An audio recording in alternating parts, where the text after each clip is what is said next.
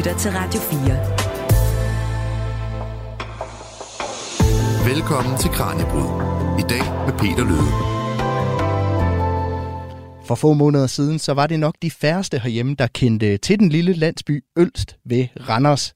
Men den seneste tid, der har landets øjne altså været rettet mod den her by og virksomheden Nordic Waste. For det er jo her, at et jordskred truer med simpelthen at begrave byen i 5 meter forurenet jord, og uret det tigger, for katastrofen kommer tættere og tættere på med 40 cm i timen. Men skredet ved Ølst er ikke det eneste jordskred, der skaber ravage. Faktisk så er jord- og landskred langt mere udbredt herhjemme, end man måske lige går og tror. Og måske så skal det faktisk til at være noget, som vi skal vende os endnu mere til i fremtiden. Skal du være bekymret for at få et jordskred i baghaven, der hvor du bor? Det giver vi dig svaret på senere i programmet. I dag i Granebrud, der får jeg nemlig besøg af en af dem, som blandt andet har været med til at kortlægge, hvad det var, der gik galt ved Nordic Waste. Og sammen så dykker vi ned i mekanismerne bag jord- og landskred, og jeg kan allerede nu afsløre, at ler og vand, det er to af de vigtigste grundingredienser på en jordkatastrofe. Tak fordi, at du lytter med på dagens Kranebrud her på Radio 4. Mit navn er Peter Løde. Velkommen til programmet.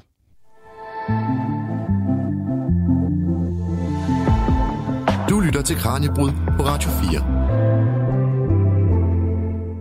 Og her i studiet har jeg øh, fået besøg af Christian Svendevig, der er seniorforsker ved de øh, nationale geologiske undersøgelser for Danmark og Grønland, også kaldet GEOS. Han er med igennem på en forbindelse. Velkommen til programmet, Christian.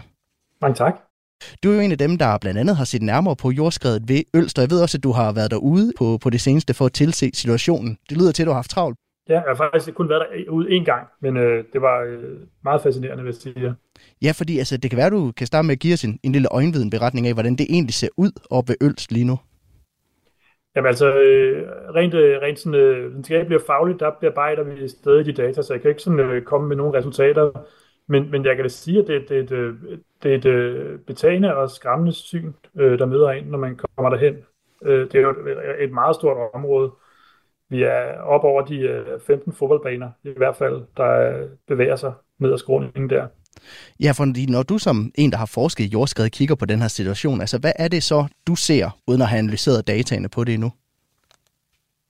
Jamen altså, jeg ser jo øh, øh, med skredbriller på det her, så det jeg kigget efter i felten, det er skrevet strukturer. Det er lidt det samme, som jeg kigger efter i rapporten, kan man sige. Sprækker og folder, det kan vi måske komme tilbage til, men øh, i rapporten har vi kigget efter dem i øh, satellitbilleder, og øh, her i felten, der skal vi så prøve at kigge på dem, hvordan de ser ud, når man, når man står og rører ved dem. Ja. Hvordan adskiller det her jordskred ved Ølst sig fra andre jord- og landskred, som, øh, som vi har kendt til? Jamen, øh, først og fremmest fordi, som vi, øh, som vi dokumenterer i, øh, i rapporten, så adskiller det sig, fordi det er, øh, fordi det er menneskeskabt. Altså, det er skabt mm. af jord, der bliver dynget oven på hinanden øh, i store mængder. Hvorimod øh, de naturlige skred, øh, de fleste af dem, vi arbejder med i hvert fald, er ikke så unge. De har haft øh, mange årtier, måske århundreder om at udvikle sig. Nogle af dem, vi arbejder med i Grønland, de udvikler sig hurtigere, så er det måske over et år eller sådan noget, de udvikler sig. Men, men øh, så, så altså, i forhold til danske forhold, så adskiller sig i, hvor stort det er, hvad der har skabt det, og hvor hurtigt det bevæger sig, hvis jeg skulle reducere det til tre ting. Ja, fordi I har jo for nyligt udgivet den her rapport, hvor I dykker lidt ned i, i, i dataene bag og prøver at finde årsagerne bag det her jordskred. Og det kan være, du kan starte med at fortælle, altså hvad var det, I gerne vil klarlægge med den her rapport? Jamen altså, rapporten blev lavet på opdrag fra Miljøstyrelsen, som øh, bad os om at dels øh, kortlægge skredudviklingen øh, tilbage i tiden, og øh, så finde ud af, om øh, det var et øh, naturligt skred, øh, altså skabt af øh, hvis vi skal realisere det skabt på grund af det ekstreme vejr, vi har haft, det ekstreme våde vejr, vi har haft i 23, eller om det var en, øh, en øh, menneskeskabt øh, katastrofe, et menneskeskabt øh, skred. Og hvad var konklusionen? Det var så, at det var et menneskeskabt skred? Ja, vi mener klart, at vi kan se, øh, dels kan vi se, at øh, skredet ikke begyndte i 23, det begyndte i 21 mindst. Øh, og så samtidig også øh, øh, kunne vi resonere os frem til, at øh, det er i høj grad menneskeskabt skred. Det er altså ikke øh, hovedsageligt ikke noget med, med, med, med det ekstremt våde vejr i 23 øh, at gøre. Men hvordan afgør man det? Altså, hvordan kan man klarlægge det bagud i tiden på den måde? Jamen, øh, når vi får sådan en opgave, så griber jeg til en værktøjskasse, jeg plejer at gribe til, når jeg arbejder med skred i Danmark og Grønland. Øh, og det er simpelthen at kigge på, hvad vi har af data på hylderne eller på nettet tilgængeligt. Og det er højdemodeller øh, over øh, området, vi arbejder med, og så er det flyfoto øh, og satellitbilleder. Og hvad er det så, I kigger efter på de her, på de her fotos og det her, i, i det her data? Jamen, øh, når sådan et stykke øh, land øh, går i bevægelse, går i skred, så vil det lave nogle strukturer. Det vil ligesom øh, øh, lave nogle, nogle afslørende strukturer, nogle morfologier i landskabet. Så det vil ligesom forme landskabet. Og øh, de øh, morfologier, de øh, landformer, som det laver, kan vi så kortlægge, og når vi har kortlagt dem, så kan vi sådan forstå, hvor stort skredet er. Vi kan forstå, øh, hvad vej det bevæger sig, og hvis vi kigger på flere øh, tidsserier, så kan vi også se, hvor hurtigt det udvikler sig. Så bare for at forstå det korrekt, det I egentlig laver, det er, at I tager billeder fra flere forskellige øh, år, og så laver I en form for tidslinje over det. Er det korrekt forstået? Det er helt rigtigt, ja. Og vi skal jo dykke ned i, hvad kan man sige, jordskredenes natur lidt senere, og jeg vil ikke bede dig om at heller placere et ansvar for, for situationen i Ølst, men ifølge jeres observationer, hvad er det så for et forløb, der har ført til den nuværende situation op ved, op ved Randers? Jamen det er øh, ret entydigt øh, simpelthen opbygning af deponiet, simpelthen der, der bliver lagt øh, de her mængder jord øh, i det her område, der gør, at skredet går i gang. Så det er altså ikke den ekstreme nedbør i 23. Det er, fordi man bygger deponiet op, og øh, videre kan vi sige, at det er fordi, at deponiet bliver lagt på, øh, i, det her, øh, i den her lærgrav, som har øh, sådan en skålformet, øh, en, en, øh, en skålformet hul ind i bakken, men som er åbent ud mod øst øh, og hælder med cirka halvanden grad mod øst. Og det er altså, øh, fordi man har lagt deponiet her på den her hældende flade af lær, øh, hvor vandet ikke kan komme ud af deponiet, men ligesom bliver fanget ind i det, at det begynder at skride, øh, når man dynger ovenpå med mere deponi. Så det er en, en, en cocktail af for meget jord på et rigtig uheldigt sted? Lige præcis, ja. Og øh, hvor alvorligt er jordskredet i Ølst, altså sammenlignet med andre jordskred, som vi kender herhjemmefra? Jamen, vi må sige, at det er alvorligt. Det er jo en helt anden type øh, skader, øh, og øh, også mere akut end de fleste skader, vi kender i Danmark, øh, fordi det udvikler sig så hurtigt, og det er så stort. Og der er altså nogle, øh, nogle værdier øh, i skredets øh, retning i første omgang. En vej og en å. Øh, ja, man kan sige, før det var der endda øh, alle bygninger på Nordic Waste-området, som nu er væk, men så er der en vej og en å, og og længere nede øh, af ådalen er der jo så Ølstby.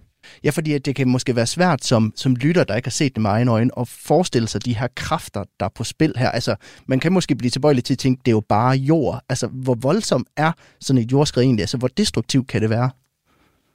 Jamen, det er meget destruktivt. Når, når, det, når, det, øh, når det er i bevægelse, øh, så, er det, så, er det, så er det svært at stoppe det. Øh, og det er det, fordi at der er et stort tryk op bagfra. Der er altså øh, en mange meter tykt øh, øh, skredvolumen, øh, som trykker ned på, øh, på hele skredfronten. Så det vil sige, hvad der er af vejkasse og autoværn og bygninger på Nordic Waste ned foran, de bliver simpelthen høvlet af, af, af det her skred det, det, er jo kæmpe, det er jo enormt. Altså, øh, øh, når man taler om, at det er svært at rydde op efter, det hører vi jo meget i medierne, at det er jo en enorm opgave. Handler det om, om hvor de her kræfter, der er på spil, eller handler det mere om de voldsomme mængder jord? Hvad er det for en udfordring, de står overfor?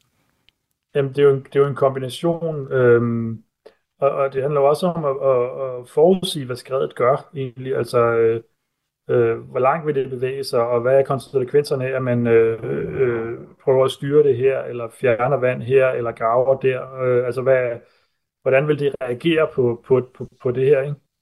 Og øh, lad os prøve at bevæge os videre, fordi om lidt så skal vi dykke dybere ned, ja faktisk helt ned under jorden. Vi skal nemlig undersøge, hvordan jorden egentlig ender med at skride i første omgang.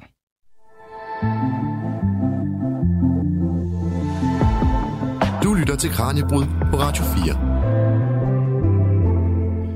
Fordi, Christian, lad os få lidt jord under neglene og se nærmere på de her jordskred og landskred, og hvad det typisk er, der egentlig fører til dem. Nu øh, er det her ved Nordic Waste, som vi talte om før, jo et menneskeskabt skred. Så øh, det er jo selvfølgelig ikke en arketypisk case på et, et jordskred, men det kan være, at vi skal starte med at lægge ud med at tale om, hvordan du selv har forsket i jord- og landskred. Jamen altså, min forskning startede helt tilbage i 2017, og den startede ikke i Danmark, den startede i Grønland, hvor vi havde et øh, kæmpe stort øh, fjeldskred, der faldt ned fra øh, cirka 1 km højde øh, ned i en fjord, mm.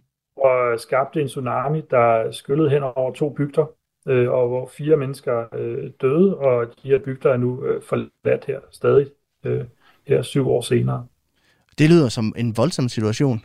Ja, det er, det var en, øh, det er en katastrofe øh, uden lige for det grønlandske samfund, og øh, det kom ud af det blå, øh, både for os geologer, øh, men, men især selvfølgelig for de, for de lokale deroppe. Og på GEOS fik vi øh, opgaven, øh, hvad, øh, hvad, hvorfor, hvorfor blev det her skred dannet, og øh, hvorfor, ja, hvorfor skete det, og hvad er chancen for, at det kan ske igen. Og hvad, hvad nåede I frem til der så? Jamen, altså, vi, øh, vi har så øh, brugt øh, fem år på at, at, at komme det nærmere, og vi måtte starte lidt på bar bund, øh, hvor øh, før det var der ikke rigtig noget, der hed skredforskning i Danmark, øh, og min baggrund var ikke skrevet der, men det er det så blevet. Øhm, øh, så vi har kortlagt øh, øh, Grønland for ustabile områder, ustabile områder, og så har jeg også kortlagt Grønland for, øh, hvad der har, hvad der har været sket og skrevet de sidste 100 år, og også prøvet at gå lidt længere tilbage. Og øh, det er der kommet en øh, del rapporter ud af, hvor vi har identificeret nogle områder, som vi mener kan være risiko for at styrte ned. Og så er der også øh, kommet en del øh, videnskabelige artikler ud af, blandt andet hvor jeg beskriver øh, øh, de øh, fjeldskred, der er sket i historisk tid. Og i Vestgrønland, øh, der er mange af de nye øh, skred, dem der er sket de sidste øh, 70-100 år, øh, det er på grund af permafrostdegradering. Så det er altså klimaforandringerne, øh, der gør, at permafrosten bliver ustabil, og så kan de her kæmpe fjeldsider øh, styrte i, øh, i fjordene. Og, og nu nævnte du før, at, øh, at det forskning i skred jo egentlig lidt startede med det her skred op i, op i Grønland. Er vi bagud på viden herhjemme, når det kommer til, til skred? Ja, det vil jeg sige, vi har, vi, vi, øh, vi har været. Øh, og vi er ikke på forkant endnu. Men vi er, vi, er, vi er kommet et godt skridt videre med, med det, vi har lavet de sidste par år, øh, vil jeg sige. Fordi det, der skete på bagkanten af, af Grønland, det var, at, at jeg begyndte, jeg kortede selvfølgelig fjeldskred i Grønland, og så var det, jeg sådan sad og tænkte, at det var næsten sådan et fritidsprojekt. Det var faktisk et fritidsprojekt, som det startede. Jeg tænker, hvad med Danmark? Der har vi ikke nogen skrevet, men hvad nu hvis jeg lige kigger på de samme datasæt, som jeg vil bruge i Grønland, og ser, hvad har vi at skrevet i Danmark? Og så begyndte jeg at sidde og kigge, og det var en helt anden type skred, jeg fandt i Danmark. Men øh, så begyndte jeg sådan at sætte det op lidt systematisk, og når jeg fandt et skred, så satte jeg en cirkel rundt om det på et uh, digitalt kort, eller en, en, øh, tegnede en, en form rundt om skredet, og registrerede det og skrev lidt om skredet, og så gik jeg videre til det næste. Ja.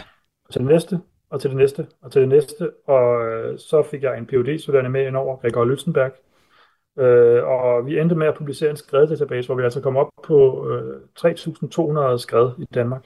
Og vi skal dykke ned i det her kort, som I jo udviklede senere i programmet. Nu, nu taler vi meget om det her med jordskred og landskred. Øh, hvad er forskellen på de to? Det kan være, at vi skal få afklaret det. Ja, men øh, da jeg gik i gang med at dykke ned i det her med skred, øh, der gik det hurtigt op for mig, at vi, øh, vi fattes ord i Danmark for skred, for at snakke om det, for at forstå det. Vi har ord som jordskred, mudderskred, og øh, så har vi også fjeldskred. Øh, det er sådan et ord, der er blevet brugt på dansk om at beskrive forskellige skredprocesser. Men når jeg som videnskabsmand skal begynde at, at, at beskrive og forstå skred, så vil jeg gerne være lidt mere præcis. Og vi har faktisk det, der hedder en nomenklatur, det vil sige en, en, øh, en accepteret måde at snakke om skred på internationalt, på engelsk. Men de danske termer duede ikke helt, og, og jordskredet det fungerer jo fint for Ølst og for mange af de, for mange af de danske skrede, fordi man kan fornemme, at det er noget, noget jord, der skrider. Det passer måske fint nok. Men så prøv at forestille dig Møns Klint, hvor det er store stumper af kalk, der falder ned. Der lyder jordskred, jordskred jo lidt mærkeligt, et jordskred på Møns Klint. Og er det så et fjeldskred? Jamen, der er jo heller ikke fjeld. Der, det, vi, det, vi, det jeg kom frem til sammen med en kollega, det var, at vi har brug for at lave en dansk nomenklatur og det blev øh, til det, at vi simpelthen introducerede et nyt ord, som hedder et landskred. Ja, så det er simpelthen en, en paraply-definition for alle former for skred. Det er præcis. Øh, landskred, landskred kan oversættes direkte med det engelske landslide. Og øh, det er, når vi ikke rigtig, når vi ved, der er sket det landskred, men vi ved ikke rigtigt, om det er jord, eller er det et fjeld, eller er det et skred, eller er det en mudderstrøm, eller, eller vi ved ikke helt, hvad processen er. Vi ved ikke, hvad materialet er. Øh, øh, og så derfor kalder vi det et landskred. Så jeg synes godt, det er et ord, vi kan prøve sådan at få lidt, øh, få lidt bredere ud. Øh, når vi ved, hvad materialet er, hvad processen er, som for eksempel på Ølst, så kan vi godt kalde det et jordskred. Det er stadig præcist. Jeg skal også understrege, at ærnet med den her nomenklatur har jo ikke været, at man skal gå og, og, og prikke til folk og rette folk, når de siger øh, det ene og det andet. Øh, vi har lavet den så vidt muligt, sådan så man kan bruge de gamle ord stadig til det, vi har brugt dem til.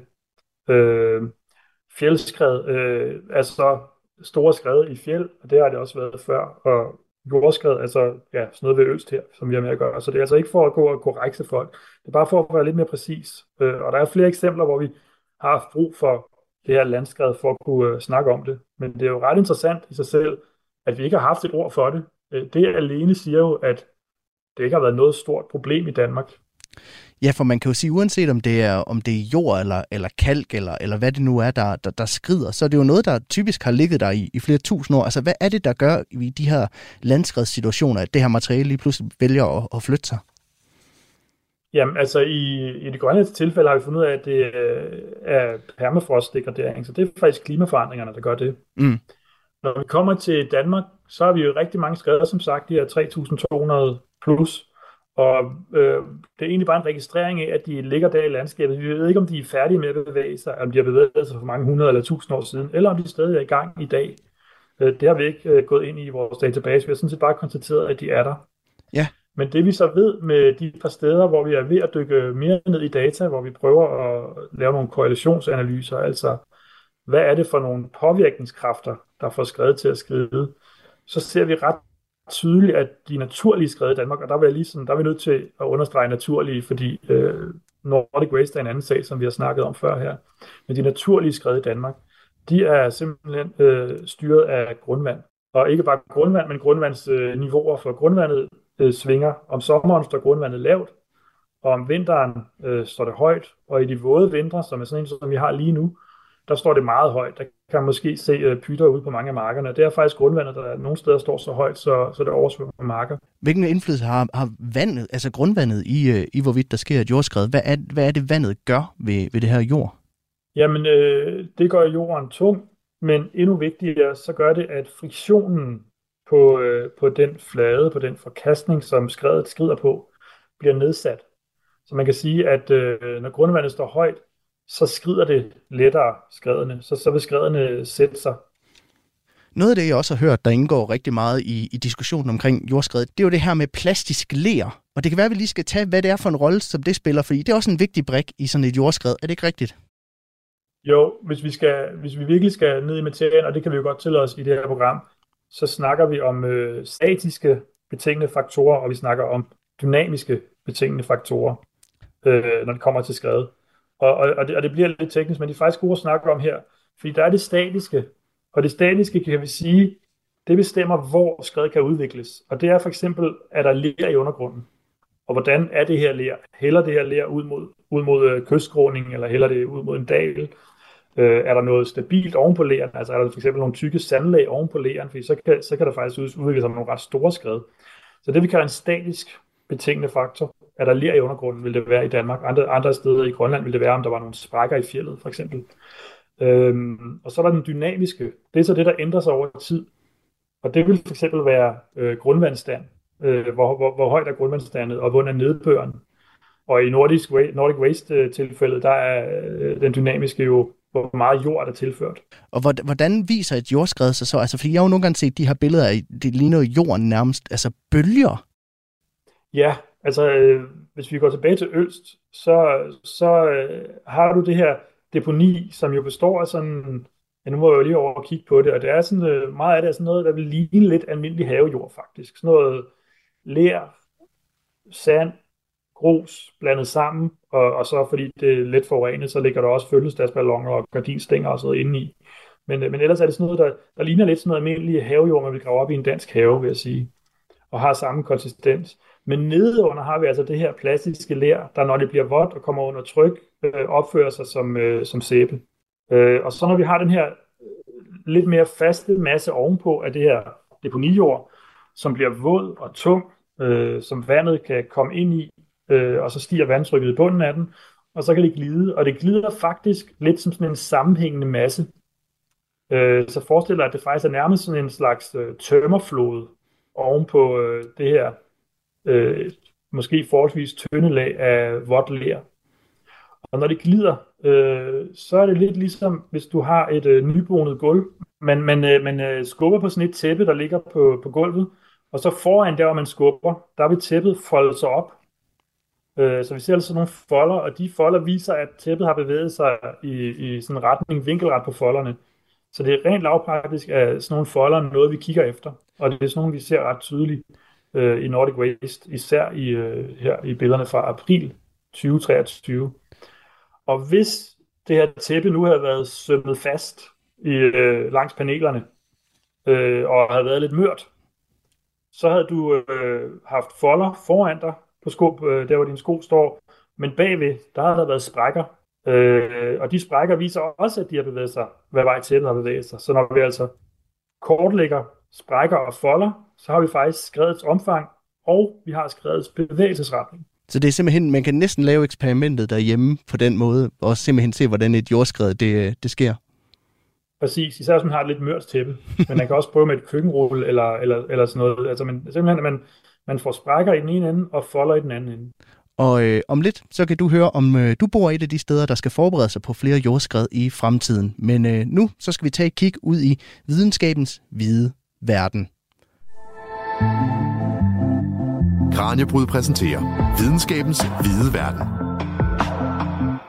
Videnskabens hvide verden er vores nye faste indslag her i Kranjebrud, hvor vi tager en kort pause fra dagens emne for at se nærmere på nogle af de allernyeste spændende udviklinger i forskningsverdenen. Og vi starter hos en fugl med Tarzan-tendenser. Forskere har nemlig observeret, at papegøjer er i stand til at svinge sig i deres næb. Forskere fra New York Institute of Technology har nemlig testet den rosenhovedede dværgpapegøjes evner til at klatre i træer. Papagøjarten, der bor i Afrika, er kendt for at være adræt i trækronerne, og derfor besluttede forskere sig for at se, hvordan fuglen ville gebært sig på de allertyndeste grene. Forskerne satte derfor et eksperiment op, hvor papegøjerne blev placeret på en pind med 2,5 mm diameter. Og overraskende nok, så opdagede papegøjerne, at den nemmeste måde at bevæge sig langs pinden på, jamen det var at hænge sig i næbet og gå armgang med fødderne i en bevægelse, som forskerne har døbt bigiation. Og en af personerne bag observationen, biokemiker Edwin Dickinson, udtaler til sciencenews.org. Det var ikke noget, som papegøjerne var trænet til. Det var blot en innovativ løsning på et problem. Resultaterne blev udgivet i Royal Society Open Science i januar 2024, og i øvrigt så kan jeg fortælle, at øh, topfarten på den her bevægelse er hele 10 cm i sekundet. Det her er Kranjebrud på Radio 4. Og vi vender tilbage til Danmark, hvor biokul kan vise sig at være en afgørende brik i kampen mod øh, udledning af CO2. Forskere på GEOS, det nationale geologiske undersøgelser for Danmark og Grønland, har nemlig undersøgt biokuls evne til at lære kuldioxid. Biokul det er et produkt, der produceres gennem det, der hedder pyrolyse, en forbrændingsproces, hvor du opvarmer biomasse som halm eller gylde, uden at bruge ilt. Og normalvis så vil man komme af med den her slags restprodukter ved at brænde det af og dermed frigøre en masse CO2. Men ved at lave det om til biokul, så kan du i stedet binde kuldioxiden til det her materiale. Og nu viser studiet fra Geos altså, at det vil tage over 100 millioner år, før halvdelen af kulstoffet i biokullet er nedbrudt. Nu ved vi, at læring af kulstof i biokul er en langtidsholdbar løsning, så nu kan vi begynde at tale mere konkret om, hvor og hvordan vi bedst producerer og bruger biokul som et effektivt værktøj til at nedbringe vores udledning af kulstof, fortæller Henrik Ingermann Petersen, der er en af forskerne bag projektet. Det fortæller han til Geos' egen nyhedsside. Det var alt fra videnskabens hvide verden i dag. Nu øh, vender vi tilbage til snakken om jordskred og hvorvidt du øh, selv er i risiko for at få et jordskred i baghaven. Du lytter til Kranjebrud på Radio 4. I dag i Kranjebrud, der ser vi nærmere på jordskred. Det er jo et emne, der nok har været på de fleste slæber den seneste tid efter det voldsomme skred ved virksomheden Nordic Waste i byen Ølst ved Randers. Derfor så ser vi i dagens program nærmere på, hvad der egentlig ligger bag, når jord beslutter sig for at tage en tur ned af bakke. Min gæst i dag er Christian Svendevig, der er seniorforsker hos Geos. Og ind hos jer på Geos, der har I jo udarbejdet det her jordskredskort, som vi også har talt lidt om. Christian, altså simpelthen en kortlægning af jordskred, der har fundet sted tidligere, hvor I kortlagde lidt over 3.000 jordskred herhjemme. Hvad var det, I gerne ville med den rapport? Altså i første om, det, er, det er jo et videnskabeligt stykke arbejde, øh, som, som kommer ud af, at jeg øh, simpelthen begyndte at kigge efter det, og det var ikke nogen, der havde kigget efter det før. Øh, så så øh, i første omgang handler det om at få, få det videnskabeligt beskrevet. Altså det er så lavpraktisk som, fordi det er der og ikke er beskrevet før, så skal vi beskrive det. Det er sådan grund nok i sig selv, kan man sige, i forhold til sådan videnskab, videnskabeligt argument. Men det har selvfølgelig nogle implikationer, at der er så mange skred rundt omkring. Jeg skal understrege, at langt de fleste af de her skred er små skred, og de er ude ved kysterne. Og hvis man selv vil have syn for sagen, så kan man jo prøve at google landskredsportal, og så kan man faktisk komme frem til sådan en webkort. Og så synes jeg, man skal ud og kigge på de her skred øh, i nærheden af, hvor man bor, for de er faktisk ret fine og flotte, og man kan se mange af de her, både sprækkerne og folderne, især på de aktive skred. Og hvis man går ind og kigger på det her kort, så kan man jo også se, at hvis man for blandt andet zoomer ind på, på Jylland, at skredene næsten virker til at følge øh, grænsen for, hvor isen lå tilbage i, i istiden. Hvilken indflydelse har istiden haft på, på hvad kan man sige, risikoen for, for jordskred herhjemme? Jamen, altså, istiden har jo øh, visket tavlen ren, kan man sige, så vi ved i hvert fald, at alle de skred, vi har kortlagt, er yngre end istiden. Og det, det også har gjort, det er, at øh, den har øh, lavet et meget dynamisk landskab. Et landskab med ådale og et landskab, hvor kystklinter er vokset frem og eroderer til stadighed. Og altså et, et, et landskab, hvor der er en gradient, hvor der er dale og bakker. Og de her dale og bakker og kystklinter, øh, de, øh, hvis de er for stejle, så vil de prøve at, at indstille sig. Så vil de prøve at gøre sig mindre stejle, og det gør de ved at udvikle skred. Og I, øh, I kort lagde jo altså over 3.000 jordskred, der historisk set havde fundet sted herhjemme. Overraskede det dig, at, øh, at det var så udbredt med skred herhjemme? Ja, det gjorde det helt bestemt. At der var så mange, og at de var, hvad skal man sige, godsøjne, så nemme for, for os at registrere, det, det overraskede mig, ja. Ja, for hvad er det for nogle spor, I har været ude at lede efter? Nu fortalte du det her med tæppet før. Altså, har I været ude og kigge efter folder i tæppet simpelthen? Jamen, det er især, altså folderne forsvinder tit, især ved kysterne forsvinder folderne, fordi dem æder havet. Men, øh, men øh, sprækkerne, Øh, og især når de udvikler sig, så bliver det til hele skrænter lidt ind i landet, som er anderledes end kystskrænterne. Øh, de er rigtig nemme at, at se i de her højdemodeller, fordi det bliver meget stejle, de her skrænter. De er meget stejlere, end for eksempel kystskrænter vil være. Øh, og de er dannet med de her skredprocesser her. Og øh, hvis vi så tager et kig på, på det her kort, som I har udviklet, hvilke områder er det så, der er særligt er udsat for, for skred herhjemme? Jamen, øh, det er jo øh, helt generelt den del af landet, der har været øh, glacieret under sidste istid. Og det er fordi, at øh, foran hovedstedsalinen, altså derude, hvor isen ikke nåede frem under sidste istid øh, for cirka 20.000 år siden, der er landskabet meget ældre. Der har også været skrevet tidligere, så øh, øh, vil, vil vi gætte på. Men landskabet er altså, landskabet er altså meget, meget ældre. Det, det er fladt, det har haft tid til at indstille sig. Indenunder området, hvor isen er, der har vi altså lidt stejlere dale, vi har stejlere kystskrænter, og det er der, øh, skaden har udviklet sig. En anden ting, vi kan se, der betyder noget, det er tilstedeværelsen af ler i undergrunden. Ja, som vi talte om før, at, at ler også er en afgørende faktor i, øh, i det her med, hvorvidt skred simpelthen opstår. Ja, præcis. Og det er faktisk ikke bare plastisk ler. Det er også, øh, kan også være ler, øh, som er aflejet under sidste istid i issøer. Det kan også være gammel, øh, gammel øh, havbund fra istiden. Øh, det plastiske ler er jo havbund for sådan 40-50 millioner år siden. Men det kan også være øh, øh havbund, der kun i godsøjen er de her øh, øh, øh 20, 20.000 år gammel. Så det, øh, det er generelt tilstedeværelsen af ler i undergrunden, der kan øh, gøre, at, øh, at skred kan udvikle sig. Hvis man så går ind og kigger på, på det her kort og ser, at man, øh, man selv bor i et af de røde områder, hvis man kan kalde det det, et af de steder, hvor der altså har fundet rigtig mange skred sted, skal man så øh, være nervøs? Altså, hvorfor, er de farlige, de her skred? Nej, øh, det er ikke skred, der udvikler sig ligesom dem ved Nordic Waste. Øh, ligesom det ved Nordic Waste. Øh, der er to aspekter i det her, kan man sige. Hvis man, hvis man bor i et område, hvor der er mange skred kortlagt i forvejen øh, i vores database, man ikke bor ovenpå et skred, så, øh, så skal man øh, tage det med i baghovedet, ved at sige, når man bygger, og når jeg siger mand, så er det jo øh, stat, kommune, amt, men også øh, bygherre eller privatperson. Øh, når, man, når man ændrer på forholdene, øh, i en større grad, så, så, tage et, så, så tag et geoteknisk firma med på råd og sige, hvad med skred i det her område? Skal jeg være bekymret for det, når jeg bygger? Øh, eller skal jeg tage det med i min, mit baghoved, når jeg lad os sige, planlægger et deponi af forurenet jord, for eksempel, hvis vi tog skulle tage en helt hypotetisk øh, situation. Øh, det vil jo være et sundt spørgsmål at stille, øh, hvis man ser, at man bor i et område, hvor der er mange skred. Det andet er så, hvis du som man siger, hvis man bor inden for et af de her skred, vi har kortlagt.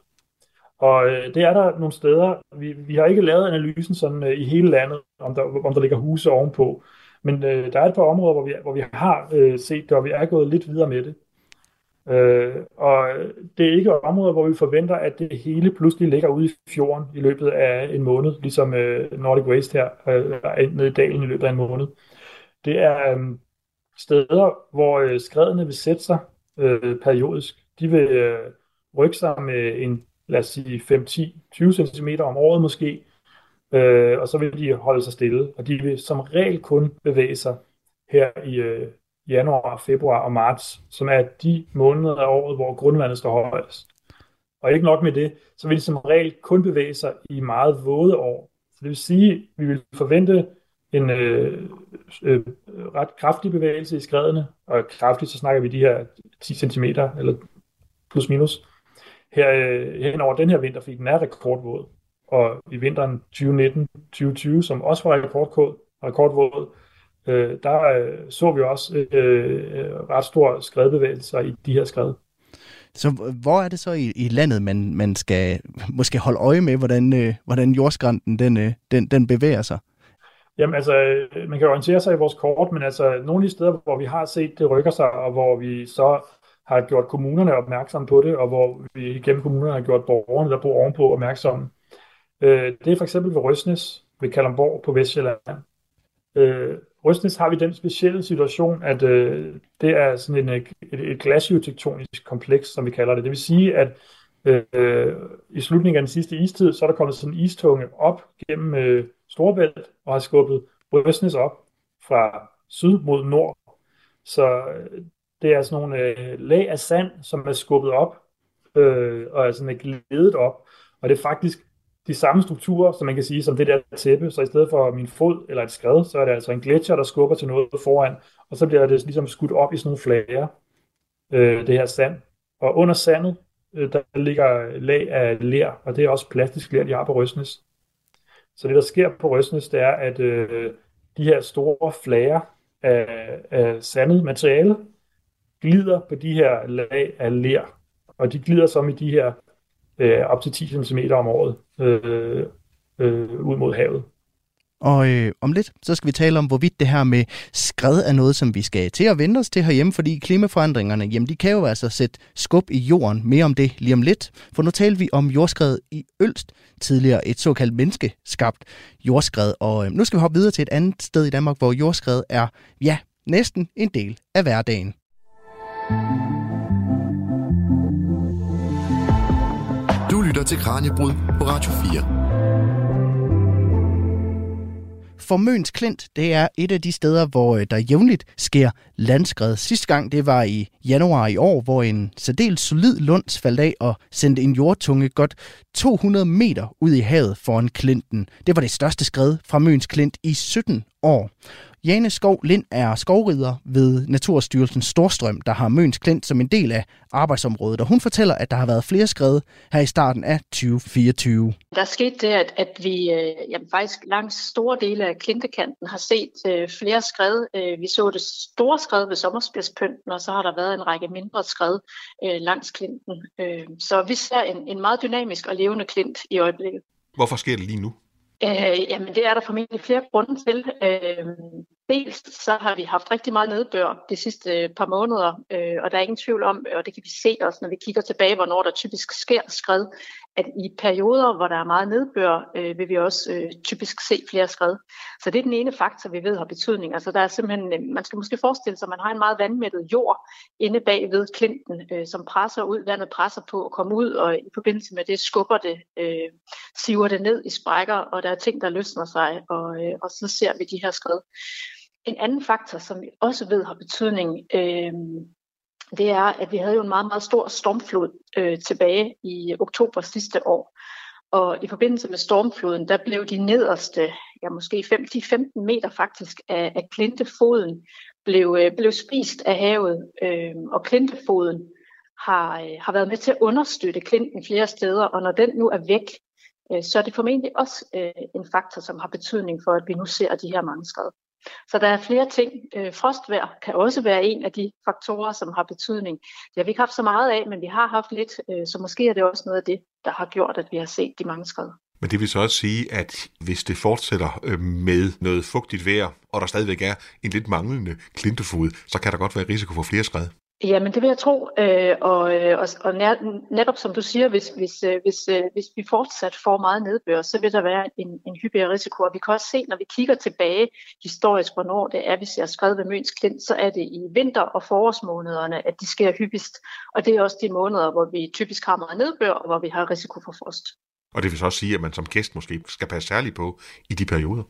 Ja, lige præcis. Altså, og, og kan man sige, det er også øh, en, en del af vores øh, kommunikation omkring færdsel derude, at, øh, at man skal være ekstra opmærksom, hvis man færdes i, i vinter- og forårsmånederne, fordi der er en øget risiko for skred i de måneder, og man skal huske øh, at tænke sig godt om at bruge sin sunde fornuft, når man færdes derude. Der skete så et stort skred her øh, i starten af januar, men det er ikke det største, som er nedfældet fra, fra historisk tid, kan man sige. Hvornår er de største skred sket? Jamen, der findes jo sådan forskellige, øh, der har forsøgt at, at, at registrere det, og hvis man sådan kigger tilbage, så ved vi, der skete et, øh, et meget stort skred helt tilbage i 1868, øh, hvor dele af dronningestolen øh, skred i havet juleaften. Øh, og så ved vi også, der skete et meget, meget stort skred ved Lise Lund i 1905, hvor, øh, hvor fire hektar af Lise Lund Park skred i havet, og der var faktisk også flere bygninger, der dengang skred med. Øhm, så var der også et stort skred i 1939 ved Pugårds Pynt, og, øh, og ved Røde Udfald så vi et stort skred i 1952. Og så var der også det store skred i lidt nyere tid i 2007 ved Storetaleren. Så, så vi har set de her store skred før, så på den måde er det ikke ualmindeligt, at der sker skred ved Møns Klint. Men det er ikke så hyppigt, at vi har så store skred, som det vi har set ved Sommerspladspynten i år. Men der er stadig så meget klint tilbage, så det kan ske igen. Det kan ske igen, øh, og, øh, og det kan ske i mange år frem, fordi øh, Clinton går jo langt tilbage, eller kridtlagene går jo langt tilbage ind i, øh, ind i landet bag ved Clinton. Så, øh, så, så den vil være der mange år endnu, også selvom der sker, sker skred. Ved man noget om, hvor mange år? Altså, hvornår er det hele skrevet i havet? Ja, altså, hvis, øh, altså selve Møns Klint er jo dannet øh, ved den, under, altså, i forbindelse med den sidste istid, hvor, øh, hvor isen har presset de her kridtflager op, som har dannet Møns Klint. Og, og vi ved, øh, at, at der bliver spist omkring 2-4 cm af klinten om året. Øh, og så kan man jo regne, regne sig tilbage og ligesom kigge på, okay, hvor, hvor langt ind i landet går de her kridtlag, øh, og så kan man regne på det. Og jeg har set nogle beregninger, der siger, at øh, 50.000 år skulle vi stadigvæk gerne øh, have en klint, men så er det måske også ved at være slut deromkring. Det var Kasper Fris, der stod for interviewet med Jane Skov Lind, som er skovrider ved Naturstyrelsen i Storstrøm. Og måske så bliver den her slags landskred mere almindelig i fremtiden. Den snak, den tager vi hul på nu.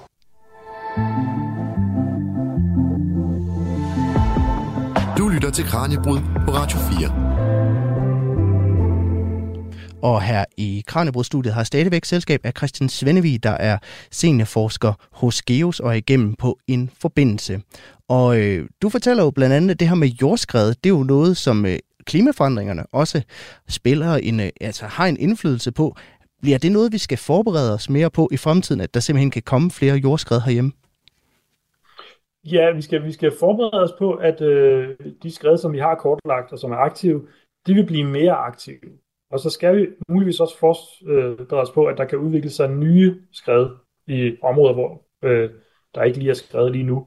Så det, så det er med at holde øje med jeres kort simpelthen, og så, og så holde øje med de områder, der, der lyser rødt? Ja, altså, hold øje, altså vi, vi, det, det kort er ikke, det bliver ikke opdateret lige nu, det der kort, for det har vi simpelthen ikke midler til. Det kan være, at øh, der, man kan sige, det kan være på bagkanten af det her, kommer stemning for, at vi skal til at arbejde noget mere med det. Øh, men øh, man skal kigge på det her kort, øh, hvis man bor på, på områder, hvis man skal bygge, eller hvis man bygger i områder, hvor der, hvor der er skred i forvejen. Og, og grunden til, at, man, at vi forventer, at der vil komme mere skredaktivitet, det er, at øh, vi har robuste klimamodeller fra DMI og også fra GEOS, som viser, at vi vil få mere nedbør i øh, Danmark i forbindelse med klimaforandringerne. Og den mere nedbør vil føre til, at øh, grundvandet i Danmark vil stå højere, end det plejer. Øh, sådan set op til øh, 75 cm højere, end det plejer, hen mod øh, slutningen af det her århundrede. Og øh, det betyder altså, at øh, skredene vil indstille sig.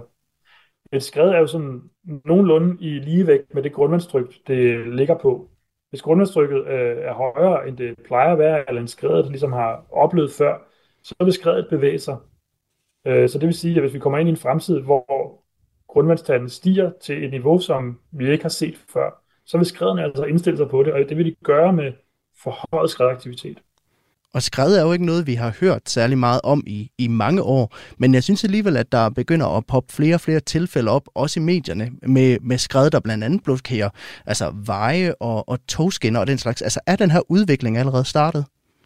Det er svært at sige om, øh, jeg vil sige lige for tiden er det rigtig svært at sige, fordi at medierne og øh, minimand er ekstremt opmærksom på skred på grund af situationen i øh, Ølst. Men det er noget, vi skal arbejde på videnskabeligt, vil jeg sige. Vi skal simpelthen samle op på, hvad vi har skrevet, og hvornår de bevæger sig. Og så skal vi se, om der er en tendens. Øh, men rent intuitivt, så kan vi sige, at nedbøren, nedbøren stiger, grundvandstanden stiger, og så en sidste effekt, der også stiger, det er kysterosion. Altså øh, kysten bliver et af i større grad øh, i forbindelse med stormfloder, som vi havde her i øh, oktober, men også havde lige før jul. Øh, alle de faktorer vil øh, intuitivt føre til større skredaktivitet. Præcis hvor og hvordan og hvornår, det er ret store forskningsspørgsmål. Men hvad kan vi så gøre for at, at sikre os? Altså, hvad gør man andre steder, hvor jordskred er, er en del af tilværelsen? Jamen altså, vi har jo ikke så meget erfaring med det i Danmark, men øh, i andre lande, øh, der er det først og fremmest noget, man bruger ret mange ressourcer på at forstå jordskred og øh, kortlægge dem og øh, også planlægge med dem, altså simpelthen tage dem ind i offentlig planlægning. Øh, det, det er en ret stor ressourcepost i lande, hvor, øh, hvor, hvor skred fylder mere i, i folks bevidsthed. Og det fylder nok mere i folks bevidsthed, fordi at, øh, at de også har haft øh, lidt mere erfaringer med skred. Altså de har oplevet flere skred, kan man sige. Men, øh, men kan vi gøre noget for at forebygge dem? Eller er det bare noget, der, der sker, hvor vi må overlades til, til naturens kræfter? Det kommer lidt an på de enkelte skred, kan man sige. Øhm, der er erfaringer i udlandet med for eksempel at dræne skred. Altså hvis de ikke er alt for store, så kan man jo øh, faktisk øh, banke rør ned i dem, eller man kan pumpe rundt om dem, sådan så grundvandet kunstigt holdes lavt.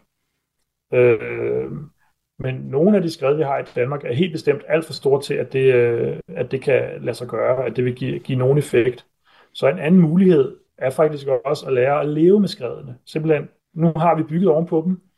Vi skal nok lade være at bygge alt for meget mere ovenpå dem, eller i hvert fald planlægge alt for meget udbygning oven på skredet. Men øh, de steder, hvor det er gjort, der kan vi lære at leve med det. Der kan vi for eksempel indrette veje og vandrør, øh, elinstallationer, sådan så de kan tåle de her skredbevægelser.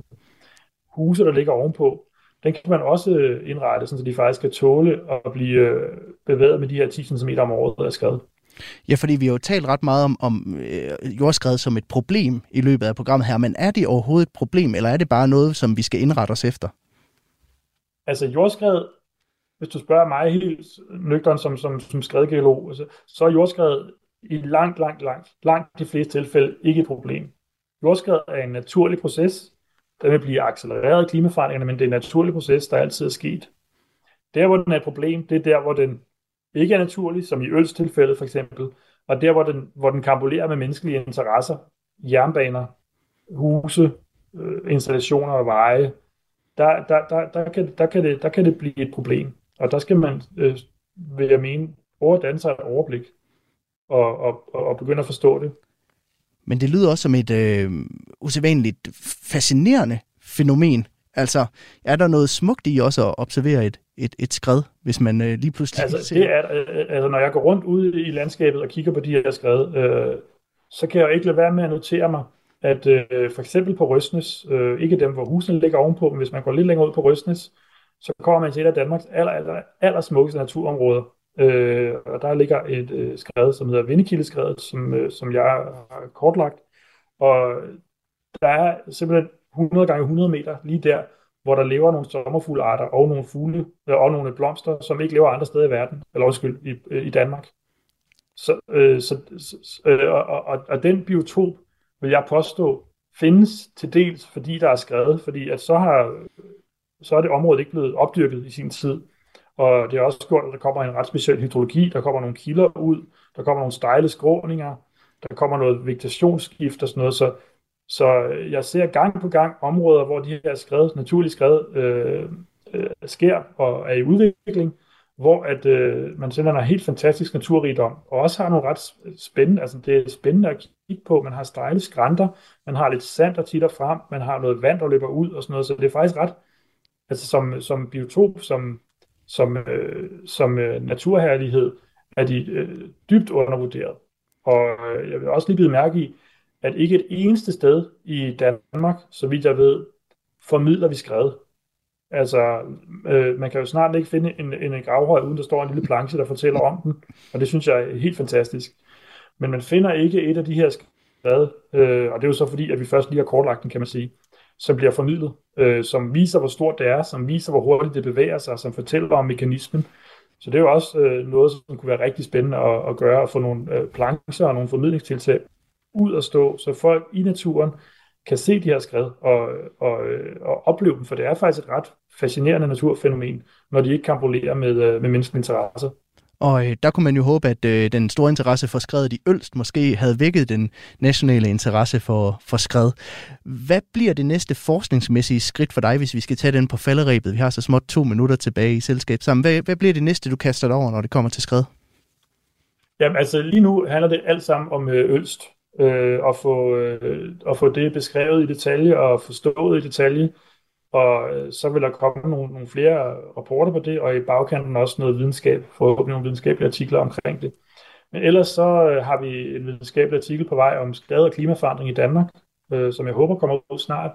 Og så har jeg også flere tiltag i gang om øh, grønlandske skred, øh, hvor jeg ikke kan sige alt for meget, men der kommer nogle spændende nyheder på den front. Øh, forhåbentlig om ikke, øh, hvad skal vi sige, mange måneder. Og øh, det, øh, det, jeg, jeg publicerer jævnligt om skrevet, og jeg, og jeg prøver også at gøre medierne opmærksomme på det. Og man kunne da tro, at det vil komme måske lidt mere opmærksomhed på det nu, øh, fordi folk simpelthen er mere lydhøre omkring det. Det har en større interesse, en større aktualitet. Så det kan måske være så, at øh, det her skred i Øls, det rent faktisk øh, ender med at generere noget interesse for, hvordan, øh, for hvordan skred de udvikler sig. Det kunne man jo håbe ja, på. Ja, fordi når du spørger, hvad vi også gerne vil lave videre, så, så vil jeg også gerne lige slå et slag for, at vi faktisk vil gerne komme skridtet videre, fordi jeg siger jo, der er et, et problem, vi ikke har hånd om her. Øh, hvordan vil, vil, vil klimaforandringerne påvirke skrevet? Hvordan, hvad konsekvens vil det have? Hvor, hvornår, hvor meget vil, vil de her skred udvikle sig? Det er noget, vi øh, er ved at prøve at rejse penge til, sådan så vi faktisk kan komme lidt videre øh, i Danmark og få den her lidt større forståelse, men det kræver øh, anselige ressourcer. Christian Svendevig, seniorforsker ved øh, det nationale geologiske undersøgelser for Danmark og Grønland, også kaldet GEOS. Tak fordi at du havde lyst til at tale med mig her i dag. Tak selv. Det her er Kranjebrud på Radio 4. Det bliver alt, hvad vi nåede i dagens udgave af Kranjebrud. Jeg vil bare lige minde om, at hvis du vil høre mere Kranjebrud, så sender vi jo selvfølgelig alle hverdage her kl. 12.10 på kanalen. Men derudover, jamen, så kan du altså også finde øh, alle de tidligere udsendelser som podcast. Du skal bare downloade Radio 4's app. Den kan du hente på App Store og på Google Play, så ligger der altså over 1000 afsnit klar til dig. Det var alt for nu. Tusind tak, fordi du lyttede med. Mit navn det er Peter Løde, og her på falderæbet vil jeg lige nævne, at Kranjebrud er produceret af produktionsselskabet Videnslyd for Radio 4. Nu er det tid til nyheder her på kanalen. Tak for i dag. Christian Fuglendorf, hjertelig velkommen til Portrætalbum. Tak skal du have. I Portrætalbum bruger Anders Bøtter musikken til at vise nye sider af sine gæster. Der kom The Doors. Jeg tænkte, det lyder kraftigt mærkeligt, det der. Det er for langt fuldskæg og langt hår. Nok inspireret af Jim Morrison. Der var en mand, der var på en rejse, og jeg var selv på en rejse. Og hvis vi havde mødt hinanden, så ville vi helt sikkert hilse på hinanden. Lyt til Portrætalbum i Radio 4's app, eller der, hvor du lytter til podcast. Der var lige et øjeblik af sådan en, jeg blev hørt. Der var en, der har tænkt noget, jeg har også tænkt. Radio 4. Jeg er ikke alene. Der er også en, der tænker noget mærkeligt. Ikke så forudsigeligt.